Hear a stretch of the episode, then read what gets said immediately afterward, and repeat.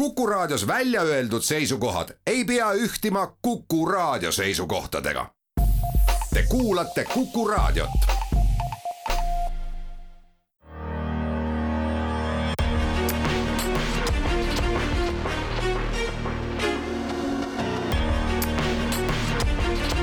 välismääraja. lugupeetud Kuku Raadio kuulajad, eetris on Välismääraja mina olen saatejuht Peeter Raudsik. sel nädalavahetusel tähistas Venemaa president Vladimir Putin oma seitsmekümnendat äh, juubelit.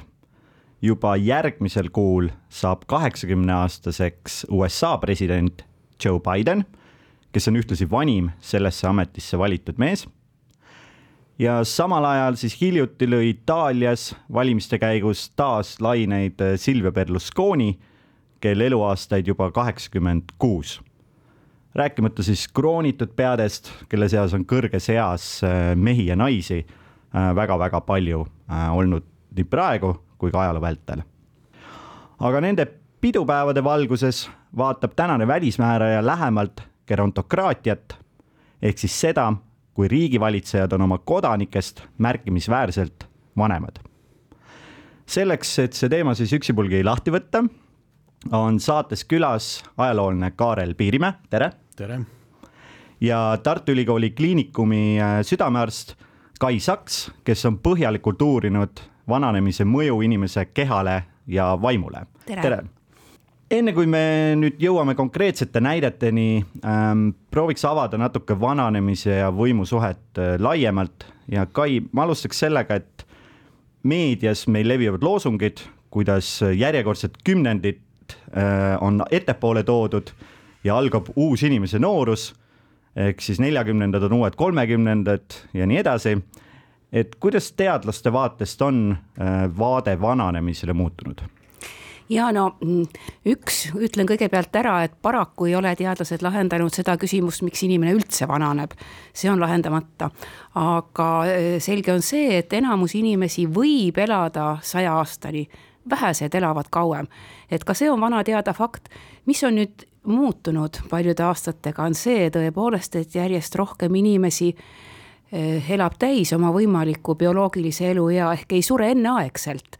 ja noh, selles mõttes võib seda tõesti vaadata nii, et kui, kui vanasti oli neljakümneaastasel inimesel oli noh, suur osa elust elatud või viiekümneaastasel, siis tänasel neljakümnesel on vähemalt pool elu veel ees nüüd teine küsimus, mis või teine pool, mis mulle nagu üldse ei sobi, on see, et selle väite juures on see, et me siiamaani sellesama näitega kinnistame seda, et hea olla saab ainult noores eas, ehk seda noortekultust tõstame. Mingi stereotüüp on silma ees, milline peaks olema viiekümnene või seitsmekümneni, kümnene, et ta peab olema hädine, aga ei pea olema. et mina kutsun üles küll muutma seda stereotüüpi ja ütlema nii, et loome uue normaalsuse viiekümnestele ja seitsmekümnestele, mitte ärme tahame olla kakskümmend aastat nooremad, siis meil on arengupeetusega ju no ma arvan, et meie need riigijuhid täna ja kaheksakümne aastane peatselt kaheksakümne aastane USA president äh, väga selgelt murrab seda stereotüüpi ehm,.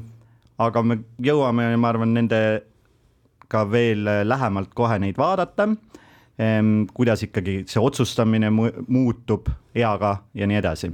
aga Kaarel, et äh, kui nüüd rääkida gerontokraatiast, noh politoloogia ajaloo vaatevinklist millised on need kõige ehedamad näited siis ajaloost, kus me saame rääkida, et siin Äh, ja sellel perioodil oli äh, gerontokraatia, kust see mõiste üleüldse tuleb? Äh, mõiste võttis kasutusele üks Prantsuse pamfletikirjutaja tuhande kaheksasaja kahekümne kaheksandal aastal, kritiseerides siis Prantsusmaa juhtum, juhtimist, aga noh, ka näiteks Spartas oli selline vanematekogu, mida nimetati Gerousiaks, kuhu kuulus siis kaks Sparta kuningat ja kakskümmend kaheksa meest ja nüüd need kakskümmend kaheksa meest pidid olema üle kuuekümne aasta vanad, mis äh, antiikmaailmas tähendas, et nad olid ikka üsna vanad, aga arvestades seda, et äh, sõjaväeteenistus kestis kuni kuuekümnenda aastani, äh, siis tähendab, et selles vanuses mees pidi, pidi olema või, võimeline ka väeteenistuseks. nii et väga hädised nad ka ei saanud olla. aga noh, seda süsteemi võib siiski pidada mingil määral gerontokraatiaks, kuigi need kaks Sparta kuningat tõenäoliselt suuresti ikkagi seda kogu kontrollisid. aga lähiajaloost gerontokraatiaid? Noh, lähiajalugu suhteline mõiste, näiteks võtame Veneetsia vabariigi, et seda peetakse ka üheks heaks näiteks gerontokraatiast. Et seal näiteks äh, oligi äh, noh, seatudki sisse ka needsamused vanu, vanused tsensused, et alles äh, neljakümneaastaselt sai kandideerida näiteks senatisse ja nüüd Doge neid kõige noh, seda kõige tippude tippu seal süsteemis, poliitilises süsteemis, selleks valiti päris vanu mehi ja keskmine vanus oli seitsekümmend kaks aastat, kui siis saadi Doge'iks alles Äh, me, meie mõistes äh, vägagi vanad, äh, isegi, isegi tänapäeva mõistes vanad mehed. aga kuidas on siis kaasaegsed uuringud, ähm, kui nad vaatavad või uuritakse, kas tippjuhid, kui nad on eakamad või vanemad, et kas nad erinevad väga selgelt siis oma noorematest kolleegidest või on see siis tegelikult tõesti Kai mingis mõttes meie endi selline ootuste küsimus, et meie ootused neile on justkui teistsugused ma tooks ajaloost ka veel ühe näite selles, et Platon on öelnud niimoodi, et vanade kohus on juhtida ja noorte kohus on sellega nõustuda. et ka külavanem, kogukonna vanem, alati vanu inimesi on austatud ja tegelikult mu meelest muutus toimus kuskil tööstusrevolutsiooniga, kus hakkas rohkem vaja olema just seda füüsilist jõudu, no kuidas nad sõdisid, kuuekümnesed ju siis sõdisid. et siis nagu eh, hakkas tekkima see, et see, kes enam ei jõua, ei ole midagi väärt ja, ja ta ei võiks ka nagu teisi valitseda ja juhtida. tegelikult arvatakse nii, et juhi omadused väga oluliselt ei muutu, ehk nad sõltuvad isiksuse omadustest teataval määral, mis on osaliselt meile kaasa sündinud, aga loomulikult elukäik mõjutab seda edasist hinnangute andmist, väärtussüsteemide teket. nüüd, kui inimene ei haigestu, kui tal aju töötab normaalselt, siis need süsteemid, mis on välja kujunenud kuskil kolmekümnendaks eluaastaks, arvatakse, et isiksus siis areneb välja selleks ajaks, siis palju enam ei muutu. nii et ka, ka juhtimusstiile on uuritud eh, erinevate isiksuse tüüpide puhul või ka vanuse puhul. on öeldud, et rohkem sõltub isiksuse tüübist kui vanusest, nii et vanus ilma haiguseta tegelikult ei vähenda üldse juhtimisvõimeid ja teatud määral see elukogemus annab, annab teatud jooned, mida ei ole noortel. nojah isegi vanemates kultuurides ja meie keeles ka ju on ikkagi olemas sõna elutarkus, mida me seostume, seostame eaga. Ja see on ju samamoodi olemas kõigis teistes äh, mudrast või hikma.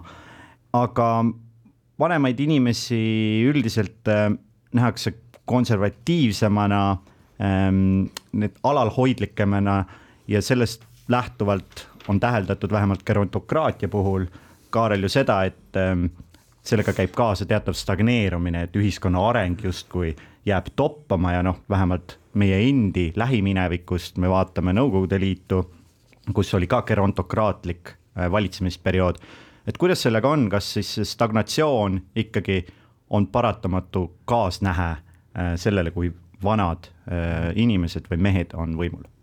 väga keeruline küsimus, väga keeruline öelda, ma, ma arvan, ma olen nõus Kaiga, et võib-olla vanusest tähtsam on ise, iseloomuomadused, aga mingil põhjusel siiski teatud poliitisüsteemides eelistatakse vanu rohkem kui teistes ja, ja see võib näidata sellist konservatiivsust ja soovi säilitada stabiilsust, et Veneetsia, Veneetsias see tõenäoliselt oli, et need vanad mehed pidid täitma siis nagu õpipoisi rolli mitukümmend aastat ja pidid oma äh, isiklikke ambitsioone mm, suutma alla suruda ja kohanema selle. aga kui me vaatame nüüd seda Nõukogude Liidu näidet, et seal meil oli ju järjest neid äh, väga kõrges eas äh, parteijuhte. just, äh, et tahtsin jõuda sinna, et seal on, selle taga on võib-olla selline kollektiivne juhtimine tegelikult, ei tahetud kedagi mm., kedagi, kes nagu väga esile tõuseks ja, ja hakkaks väga karmi käega juhtima, noh, mis oli Stalini probleem olnud ja ja nüüd üks, üks huvitav selline äh, aspekt on seejuures veel, et valides väga vana juhi äh,, tegelikult kiirendad juhi vahetuse protsessi, mida me nägime tegelikult ju Andropovi ja Tšernenko puhul, et äh, mingil määral äh, äh ütleme tagas see selle, et juhid vahetuvad kiiremini ja oli aega siis atra seada, et kuni siis lõpuks tunduvalt noorem mees sai juhiks valitud. Nende noorte juhtide juurde me tuleme mõne hetke pärast tagasi, kes siis nende vanade varjust justkui ka esile kerkivad, aga see on päris huvitav või natuke paradoksaalne mõte, et meil on justkui vanem, kauem kestnud, elanud inimene, aga mõnes mõttes valitsejana tema, tõesti tema valitsemisaeg jääb ju sellest tulenevalt ka tõenäoliselt lühemaks. aga kuidas selle konservatiivsusega, Kai, et eh, kas siis vanad inimesed on konservatiivsemad, et on isegi ju sellised noh, fraasid olemas, et näiteks, et kui inimene polnud nooruses sotsialist, siis tal polnud südant ja kui ta veel vanaduses oli sotsialist, siis ta on rumal järelikult, et ta peab kuidagi ajaga muutuma konservatiivsemaks ja vähemalt minu arusaamist mööda on täheldatud ka, et mida vanemaks inimene saab, seda rohkem ta võib muutuda religioossemaks, et ta vähemalt vastuvõtlikkus religioonile kasvab. Ehm, et kas see päriselt on ka nii, et selles mõttes see maailmavaade ikkagi nihkub mingis suunas vanusega või tegelikult ei ole? No inimene, öeldakse, et kogu inimese elu on üks areng.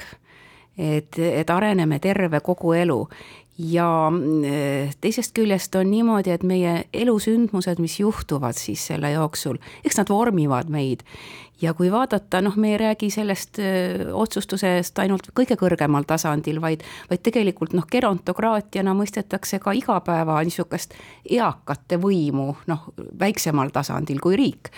et siin on omad põhjused ja tihti on nad mhm. seotud varanduslikud, noh, kui on stabiilne riik, et varandus koondub vanemate kätte aga kui nüüd vaadata, vaadata ikkagi, kuidas eakas juht, siis tõesti, mul on siin, leidsin ühed vahvad uuringu andmed Eestist.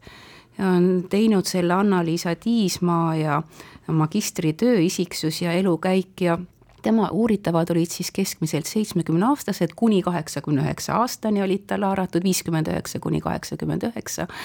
ja ta uuris siis kõige muu kõrval ka väärtuste, millised väärtused neil domin- või noh, kuidas, kuidas muutusid oluliseks erinevad väärtused mm, -hmm. isik, väärtussüsteemid. ja tõepoolest on niimoodi, et siis nendel inimestel kõige tähtsamaks muutusid turvalisus ja heasoovlikkus esimene, teine ja kümnest eh, väärtuse süsteemist viimasel kohal on saavutus ja kõige viimane võim.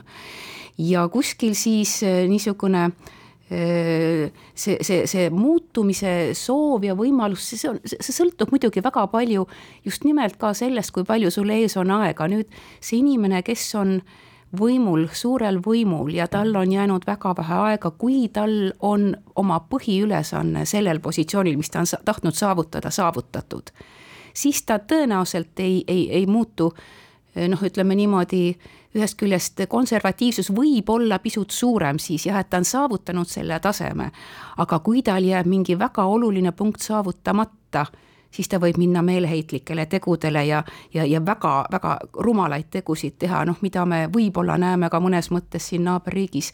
et, et see konservatiivsus sõltub ka rohkem isiksuse omadustest, aga siis ka tõesti eesoodatavast ajast. ja eesmärkidest, mis siis on kas saavutatud või veel saavutamata ja ma olen üsna kindel, et tegelikult päris paljud välismääraja kuulajad äh, praegu nende paralleelselt jooksis tõesti äh, mõte sellest, mis toimub Ukrainas ja mis toimub tegelikult maailmas äh, laiemalt. aga me teeme praegu lühikese pausi ja naaseme siis peatselt võimu äh, ja vananemise juurde.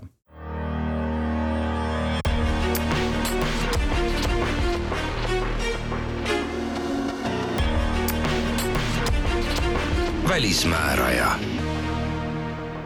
välismääraja jätkab vanade inimeste rollist võimu juures millest kõnelevad ajaloolane Kaarel Piirimäe ja geriaater äh, Kai Saks. mina olen saatejuht Peeter Raudsik. kui me enne rääkisime gerontokraatiast kui fenomenist äh, laiemalt äh,, siis nüüd läheks natukene konkreetsemaks veel. ja kui ma vaatan tänaseid suurriikide juhte mm,, siis vaatamata kõrgele eale, nende valmisolek teha riskantseid otsuseid on tõesti olemas, nagu siin saate esimeses pooles ka juttu oli, et kui mingid eesmärgid on saavutamata, siis võib-olla ongi seal kibelus äh, seda ära teha.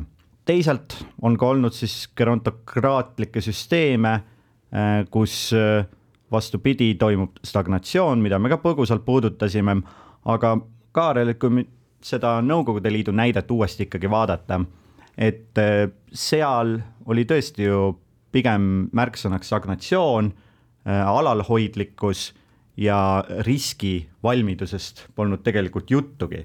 et millega seda siis ikkagi selgitada? no kõigepealt tuleb ära õiendada, et äh, küsimus, kas nad olid vanad, et äh, näiteks Brežnev oli Suures seitsekümmend viis, Andropov oli Suures kuuskümmend üheksa ja Tšernenko seitsekümmend neli. et äh, pigem ma kasutaks, ma äh, ütleks, et nad olid vanad mehed või haiged mehed, vabandust. et see on, see on mitte gerontokraatia, vaid haigete meeste äh, võim. ja, ja just see viib tagasi selle juurde, et kuida-, kuidas nad olid oma elu, elu elanud. et, et see on küsimus, et miks nad olid nii haiged, et kellel olid neerud äh, läbi, kellel oli südamepuudulikkus, et tõenäoliselt nad olid väga, väga ebatervislikku elu elanud äh,, ma arvan, ja, ja ja nende juurde, nende puhul tõesti võis näha, et, et see mõjutas juba nende noh, mõtlemisprotsessi noh, võimet tõesti lugeda näiteks tähtsaid dokumente või siis osaleda mingitel läbirääkimistel, kõnelustel, et Brežnev ju oli tuntud selle poolest, et ta jäi magama näiteks kohtumistel välisriikide liidritega. Aga kui meil on sellised käpiknukud riiki justkui juhtimas, kes siis tegelikult seda riiki juhib? Äh, no seal äh, olid ka need, äh, need hallid kardinalid sama, sama vanad tegelikult seal süsteemis. aga parema tervisega siis? vist küll jah, et kes jõid vähem ja suitsetasid vähem. ja, ja noh, seal noh, selles mõttes on õigus, et see, see oli tõesti režiim, mis püüdis säilitada seda stabiilsust. et see oli selgelt ühe, ühe põlvkonna äh, Äh, keskne režiim äh, ja tõesti, stagnatsioon on, on õige termin. Äh, aga mitte sellepärast, et nad vanad oleksid olnud. võib-olla see oli see viimane põlvkond, kes tõesti uskus nendesse ideaalidesse, kes olid, keda Stalin oli edutanud ja kes kommunismi uskusid, järgmised, noh, me teame, et Gorbatšov ka uskus, ütleme nii aga, aga see tegelikult viibki Kai selle mõtteni tagasi, et nad olid justkui eesmärgi juba saavutanud ja selle riigi loonud ja siis tahtsidki seda hoida täpselt sellisena äh,, nagu ta oli, aga samal ajal nad ikkagi irdusid reaalsustest, reaalsusest ja muutustest äh, maailmas.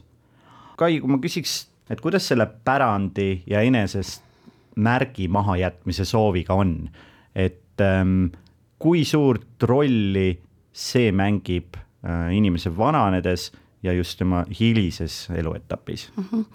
et äh, psühholoogid on uurinud, et kuidas muutub meie vaim ja, ja, ja, ja hing siis vananemise käigus.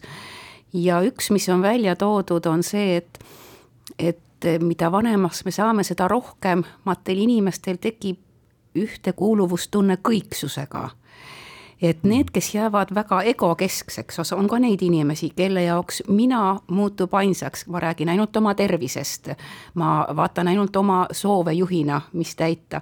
et enamusel läheb ta küll vastupidi, et ta muutub, ta näeb rohkem avaramat perspektiivi ja, ja pärandina ta ei mõtle mitte niimoodi, et tema nimi peaks tingimata jääma kuskile võib-olla ta kirjutab mälestuste raamatu oma suguvõsale, mida on tõesti hea kõigil lugeda, nüüd kui sa oled tippjuht, väga suur juht, eh, siis sa tahad reeglina, isiksuse omadused juba sellised, sa tahad oma nime ajaloosse raiuda.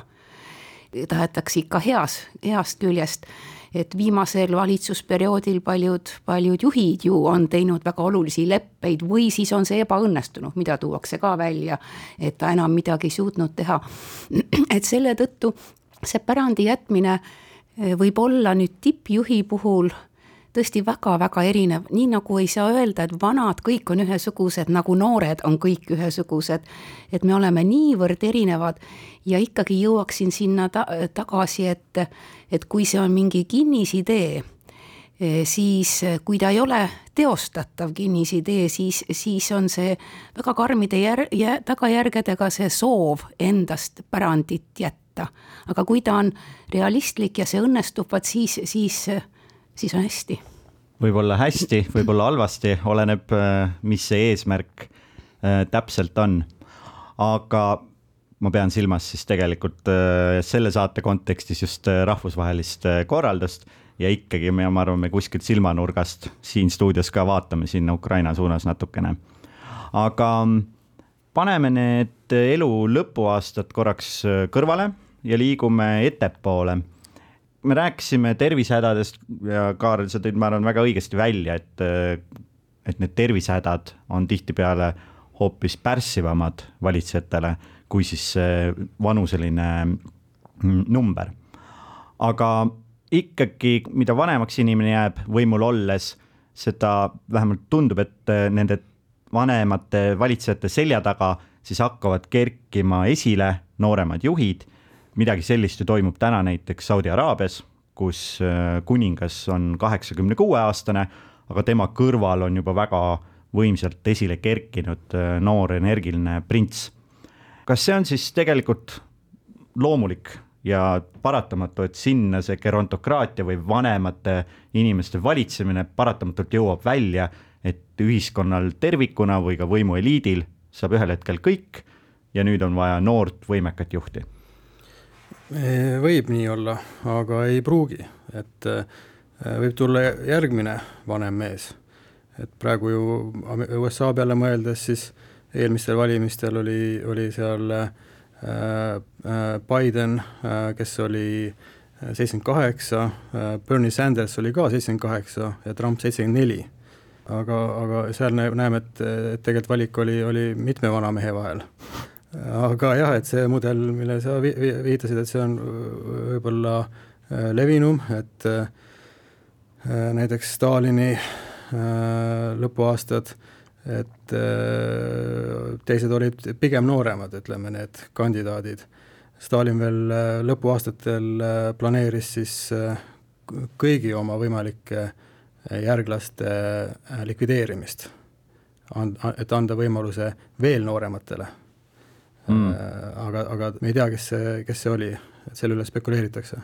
Aga ta tajus siis, et selleks, et riik liiguks õiges suunas, peab tegelikult tulema nüüd uus ja noor mees seda riiki valitsema ja juhtima? Äh, tundub, et, äh, et ta nägi enda kohta nii olulisena, et ta ei pidanudki võimalikuks, et talle tuleb äh, järgnema näiteks Molotov või Kaganovitš, vaid ta tahtis neid hävitada.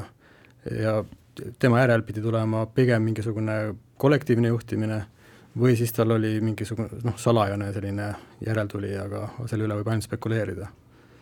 et aga noh, näiteks äh, Churchilli puhul äh, oli seal küll äh, ridamisi noori mehi, aga nagu pärast selgus, et et ka tema järglane Anthony Eden siis, kes sai võimule viiskümmend viis, oli ka ütleme haige ja noh, noorus ei päästnud seal, et ja te, tema ametiaeg jäi lühikeseks ja, ja ka ebaõnnestus kokkuvõttes. aga ma arvan, et ma siit selle joone vähemalt enda peas tõmban praegu, et, et on võimalik, või et autokraatlikes süsteemides või sellistes pikemalt nagu stagneerunud, kivistunud süsteemides kuskil pealispinna all see ootus siis selleks muutuseks on nii suur ja see tihtipeale väljendub ikkagi selle noore mingi energilise juhi äh, esilekerkimisega et noh, ma lihtsalt mõtlen ka praegu näiteks Iraani peale, kus on protestid. Äh, Khomeini on samal ajal ka tublisti üle kaheksakümne aasta vana, et ka seal tegelikult noh, see muutumatus, mille osaks on see vanemate inimeste mm -hmm. juhtimine, annab tegelikult tunda. aga kui me tuleme nüüd veel nooremaks, et kui me nüüd on need noored mehed, kes siis äh, vana juhi varjus kerkivad, aga veel nooremaks tulles, et Kai, et sa mainisid ka korraks, et kuni kolmekümnenda eluaastani siis justkui on see inimese nagu peamine väljakujunemine, tema hoiakud, vaated elule. et äh, kas selle kolmekümne aasta vältel on veel mingid erilisemad perioodid või ongi siis äh, see nagu, seda tuleks vaadata kui ühte siis tervikut? no neid perioode on, on muidugi ka pärast, et kõige õrnem iga on ikkagi esimesed eluaastad, see on mm. see, mis suuresti määrab ära nii tervise kui, kui, kui ütleme, isiksuse joonte väljaarenemise. et kui on see ebaõnn sündida perre, kus ei ole hoolivust, armastust, kus on vägivalda, siis see muster no paratamatult kujuneb ju selline, sa näed ju ise, kui sa saad teisest füüsiliselt jagu, siis, siis on sul hästi kõik. ja nii edasi, kõik muud asjad ka sinna juurde. nii et need esimesed eluaastad, kaasa arvatud küsimus suhtumises vananemisse. kui esimene kokkupuude on on väga hädise vana inimesega perekonnas näiteks, kellel on vaimsed tegevuse probleemid, siis tekib väga suur hirm enda vananemise ees. kui esimene kokkupuude on harmsa, lahke, toimeka vanaema või vanaisaga, on hoopis teine lugu nii järgmine selline kriitiline periood on ikkagi küpsemine, mis on siis noh, puberteediga Eh, kuni kahekümne, natuke võib-olla peale seda, kus toimub minapildi kujunemine, kes mina olen, kuidas ma paigutun siia süsteemi. Ja, ja siis on inimene veel paindlik, need isiksuse jooned on paindlikud, nii et ma ikka tudengitele olen ka rääkinud kahekümnendates, et praegu on veel võimalus, kui te olete rahul oma isiksuse tüübiga, no minna nõustaja juurde, te saate veel korrigeerida, noh, kas rohkem-vähem mõnda kontrollida, mõnda isiksuse joont. kolmekümnendaks on tõesti noh, enam-vähem arvatakse, et välja kujunenud ja püsib suures osas, aga on veel ohtlikud aastad, ühed on neljakümnendad, et me oleme kuulnud palju keskea kriisist mis see on? no arvatakse nii, et, et noh, see on ühest küljest, inimene jõuab elu keskpunkti, pool läbitud, pool ees, noh, enam-vähem nii suures plaanis ja, ja tekivad sellised hirmud, mis edasi saab. vaimsed võimed arenevad küll kauem kui, kui isiksuse tüüp, kuskil neljakümne viienda eluaastani et ma olen harjal praegu, nüüd hakkab ainult allakäik. Ja siis, siis püütakse meeleheitlikult öelda, ma ei jää vanaks, ma olen endiselt kahekümne viiene, ma olen endiselt kolmekümnene, eh, vahetatakse abikaasad, tehakse maailmareis ja nii edasi. et see on selline, selline koht, kus inimesed tihtipeale mõtlevad oma elu üle täpsemalt, et et, et, et mis, minust, mis ma edasi saan. Ja, ja üheks jooneks, mida tasuks endas arendada varakult, on avatus avatus muutustele, et ka selles vanus, ka oma elu suhtes. kui ma edasi tahan ikkagi noh, muutuda, areneda, võtta uut, vaadata, kuidas see sobib, et siis see on nagu väga hea. ja, ja viimane veel, mis on selline kriitilisem, on pensionile jäämine.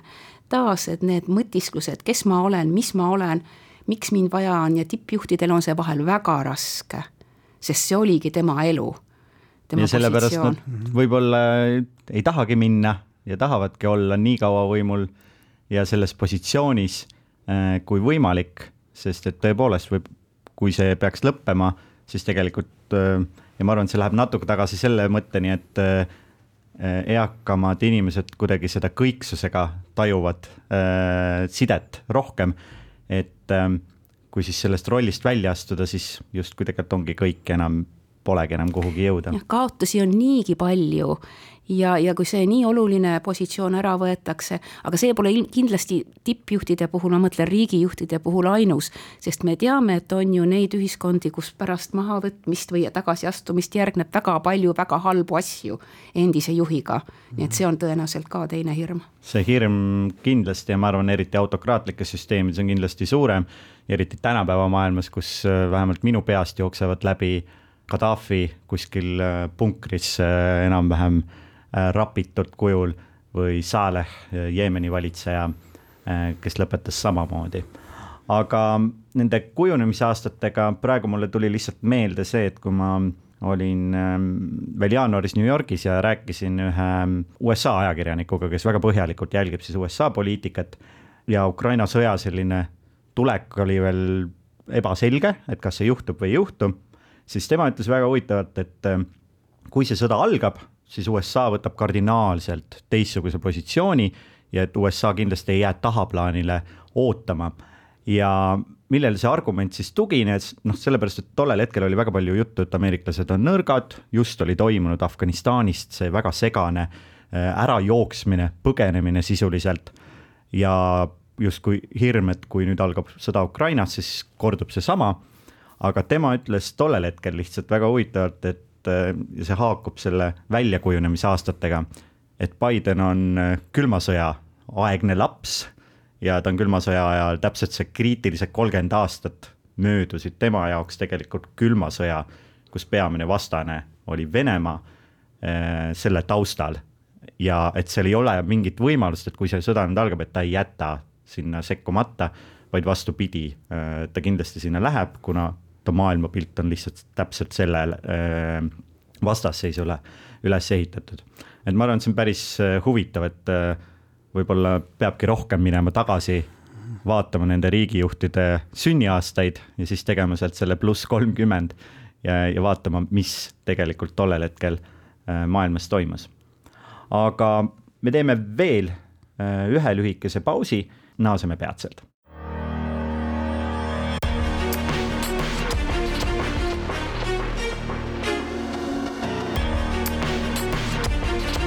välismääraja.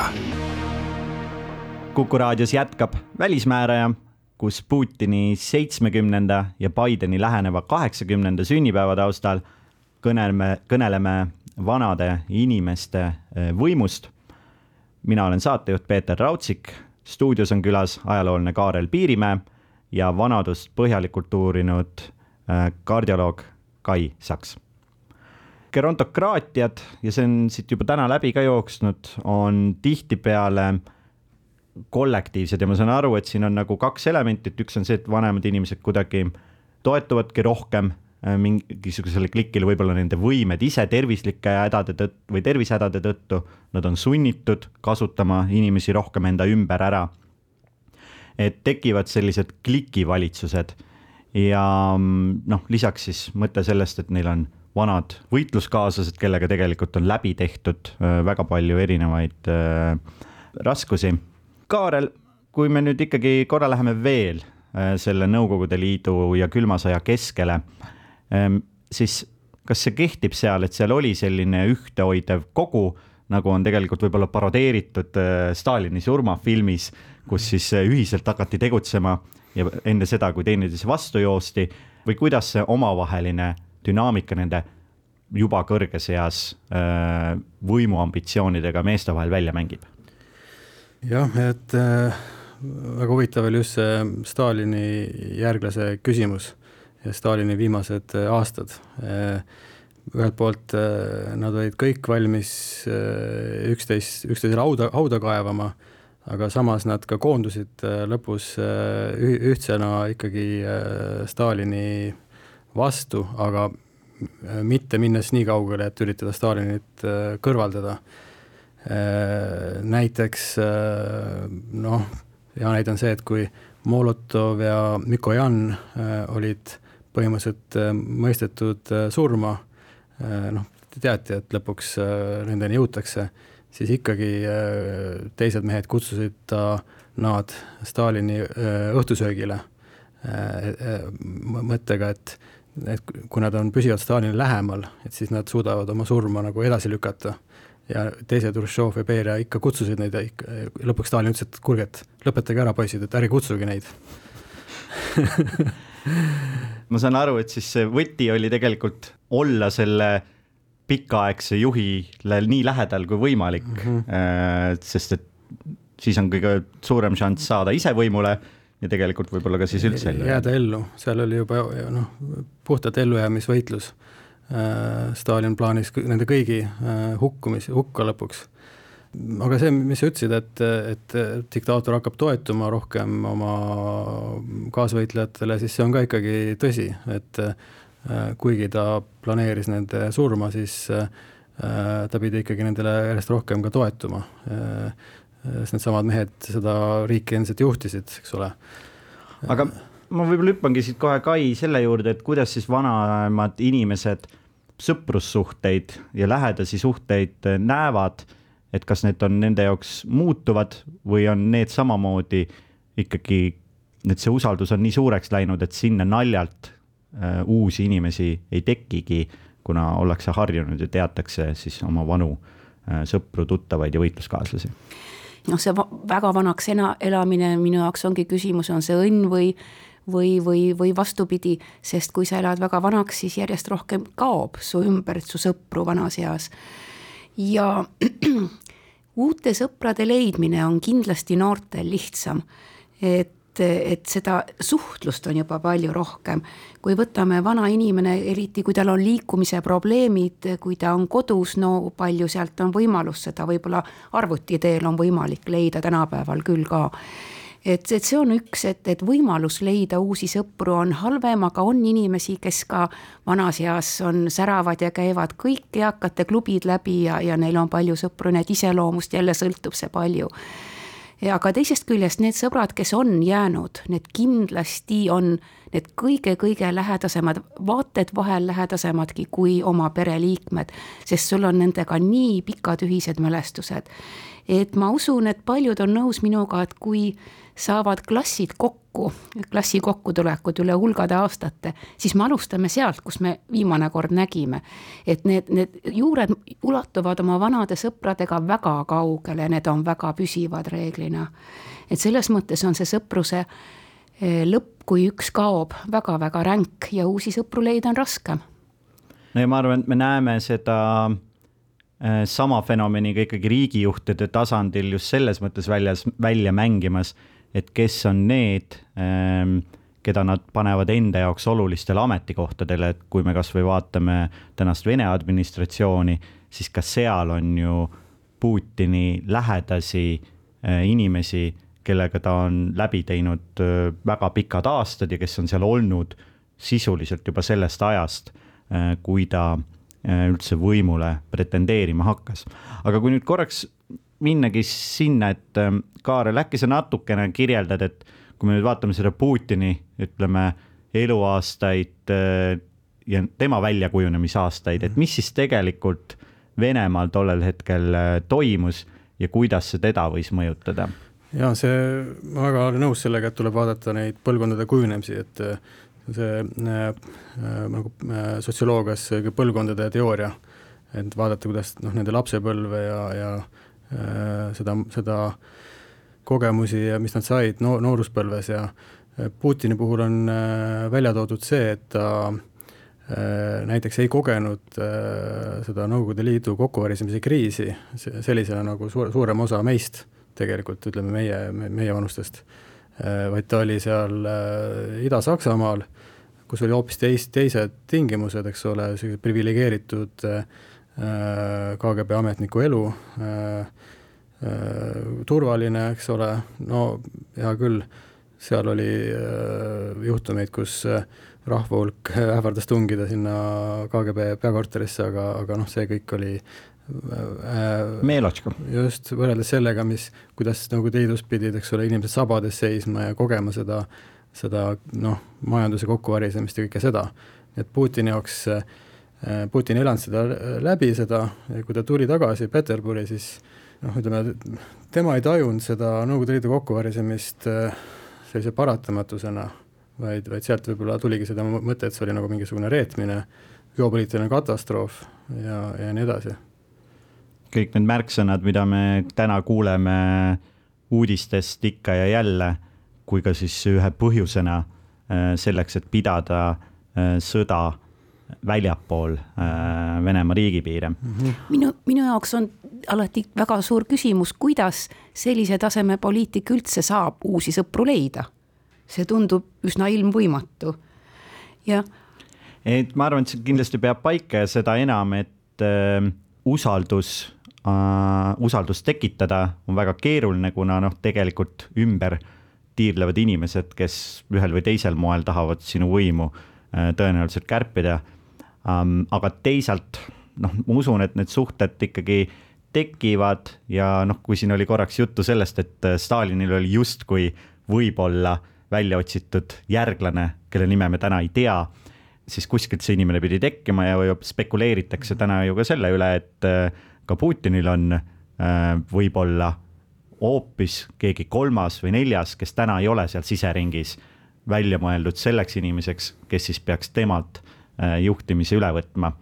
aga noh, see võib välja mängida võib-olla siis nagu nendes muinasjuttudes, kus prints paneb kerjuseriided selga ja läheb linna peale ja võib-olla ta sealt siis mõne sõbra leiab.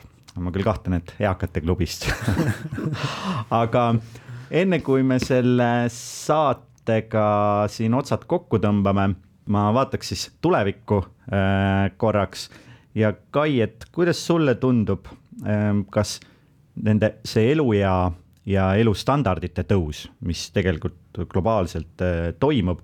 kas see tegelikult tähendab siis ju seda, et neid kõrges eas riigijuhte hakkabki meil ju rohkem olema, kuna nad on võimekamad, nende tervised on, tervis on parem ja kas siis selles mõttes meil võib-olla ongi mõtet vähem rääkida gerontokraatiast kui fenomenist, vaid lihtsalt sellest, et äh, vanemad inimesed ongi võimul, kuna nad on täpselt sama kompetentsed ja sama head kui nooremad.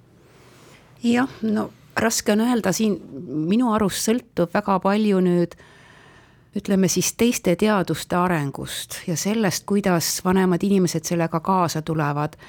et kui toimub mingi väga otsustav pööre tehisintellektis või, või, või mõnes muus valdkonnas, et siis võib juhtuda, et tuleb uus põlvkond, kes seda väga hästi valdab ja, ja, ja, ja, ja selle tõttu saab nagu päris palju eeliseid. kui seda ei juhtu, siis jah, ma usun küll, et, et, et, et jääb, nii-öelda jääb seesama asi, et, et vanem inimene on elukogemustega, võrgustikega, mis on hea või halb ja tal on ka piisavalt ressursse, on ju palju riike, kus enne ei tasu kandideeridagi, kui sul pole raha, et seda kampaaniat läbi viia. et see kõik jääb ilmselt alles. et vahel juhtuvad muutused nii, mida me täna uneski ei näe, et sellepärast prognoosida on väga keeruline. aga Kaarel, et ähm kui see ikkagi nii läheb ja natukene vähemalt tundub ja noh, noh, ma selles mõttes äh, ei pea prohvet olema, et öelda, et äh, keskmine eluiga riikides tõuseb või ta tõuseb mm,. et äh, kui see trend ikkagi seal on ja see süveneb, et kas siis on nii, et lääne ühiskondade jaoks võib seda näha järjekordse kirstunaelale siis selle väidetava allakäigu või globaalse mõju vähenemise teel? ja no mina arvan jah, et see on ikkagi äh, murekoht küll kuna keskmine vanus ju valijas, valjas, valjaskonnal tõuseb eh, ja, ja vanemad inimesed kipuvad valima noh, vanemaid poliitikuid, üldse tegelikult valijad eh, meelsasti valivad tegelikult vanu inimesi, eh, siis see on probleem, et minu, vanemad poliitikud pigem hoolitsevad noh, tahavad ikka stabiilsust ja mõtlevad ka oma, oma valijaskonna peale, kes on vanemad nii ongi, et äh, tegelikult noored inimesed on äh, väga vähe äh, esindatud siis näiteks kogu maailma ri-, parlamentides. ma vaatasin siin statistikat, et et alla kolmekümne aasta inimesed moodustavad viiskümmend protsenti maailma elanikkonnast, kui vaid, kuid vaid kaks protsenti parlamendiliikmeist. ja, ja noh, see näiteks, see on palju kehvem esindatus kui naistel kogu maailmas nagu tervikuna et naisi on parlamendi liikmete hulgas ikkagi peaaegu kolmandik. see on äh, väga huvitav punkt ja noh, tegelikult kui ma mõtlen USA peale praegu, siis ka seal on ju senaatorite keskmine vanus on pidevalt tõusnud ja praegu ka nii kõrge ta ei olegi äh, kunagi varem olnud. aga mulle tundub, et see vestlus äh, vananemisest ja, ja võimust on jõudnud sinna punkti, et äh, meie selle vältel väga palju vanemaks ei saanud, aga me saime kindlasti targemaks ja mul on selles mõttes väga hea meel, et äh, täna oli siin saates ajaloolane Kaarel Piirimäe ja teisalt siis väljapoolt välismääraja tavalist äh, külaliste ringi vanaduse uurija Kai Saks. mina olen saatejuht Peeter Raudsik, välismääraja läheb eetrisse juba järgmisel pühapäeval uuesti kell üksteist.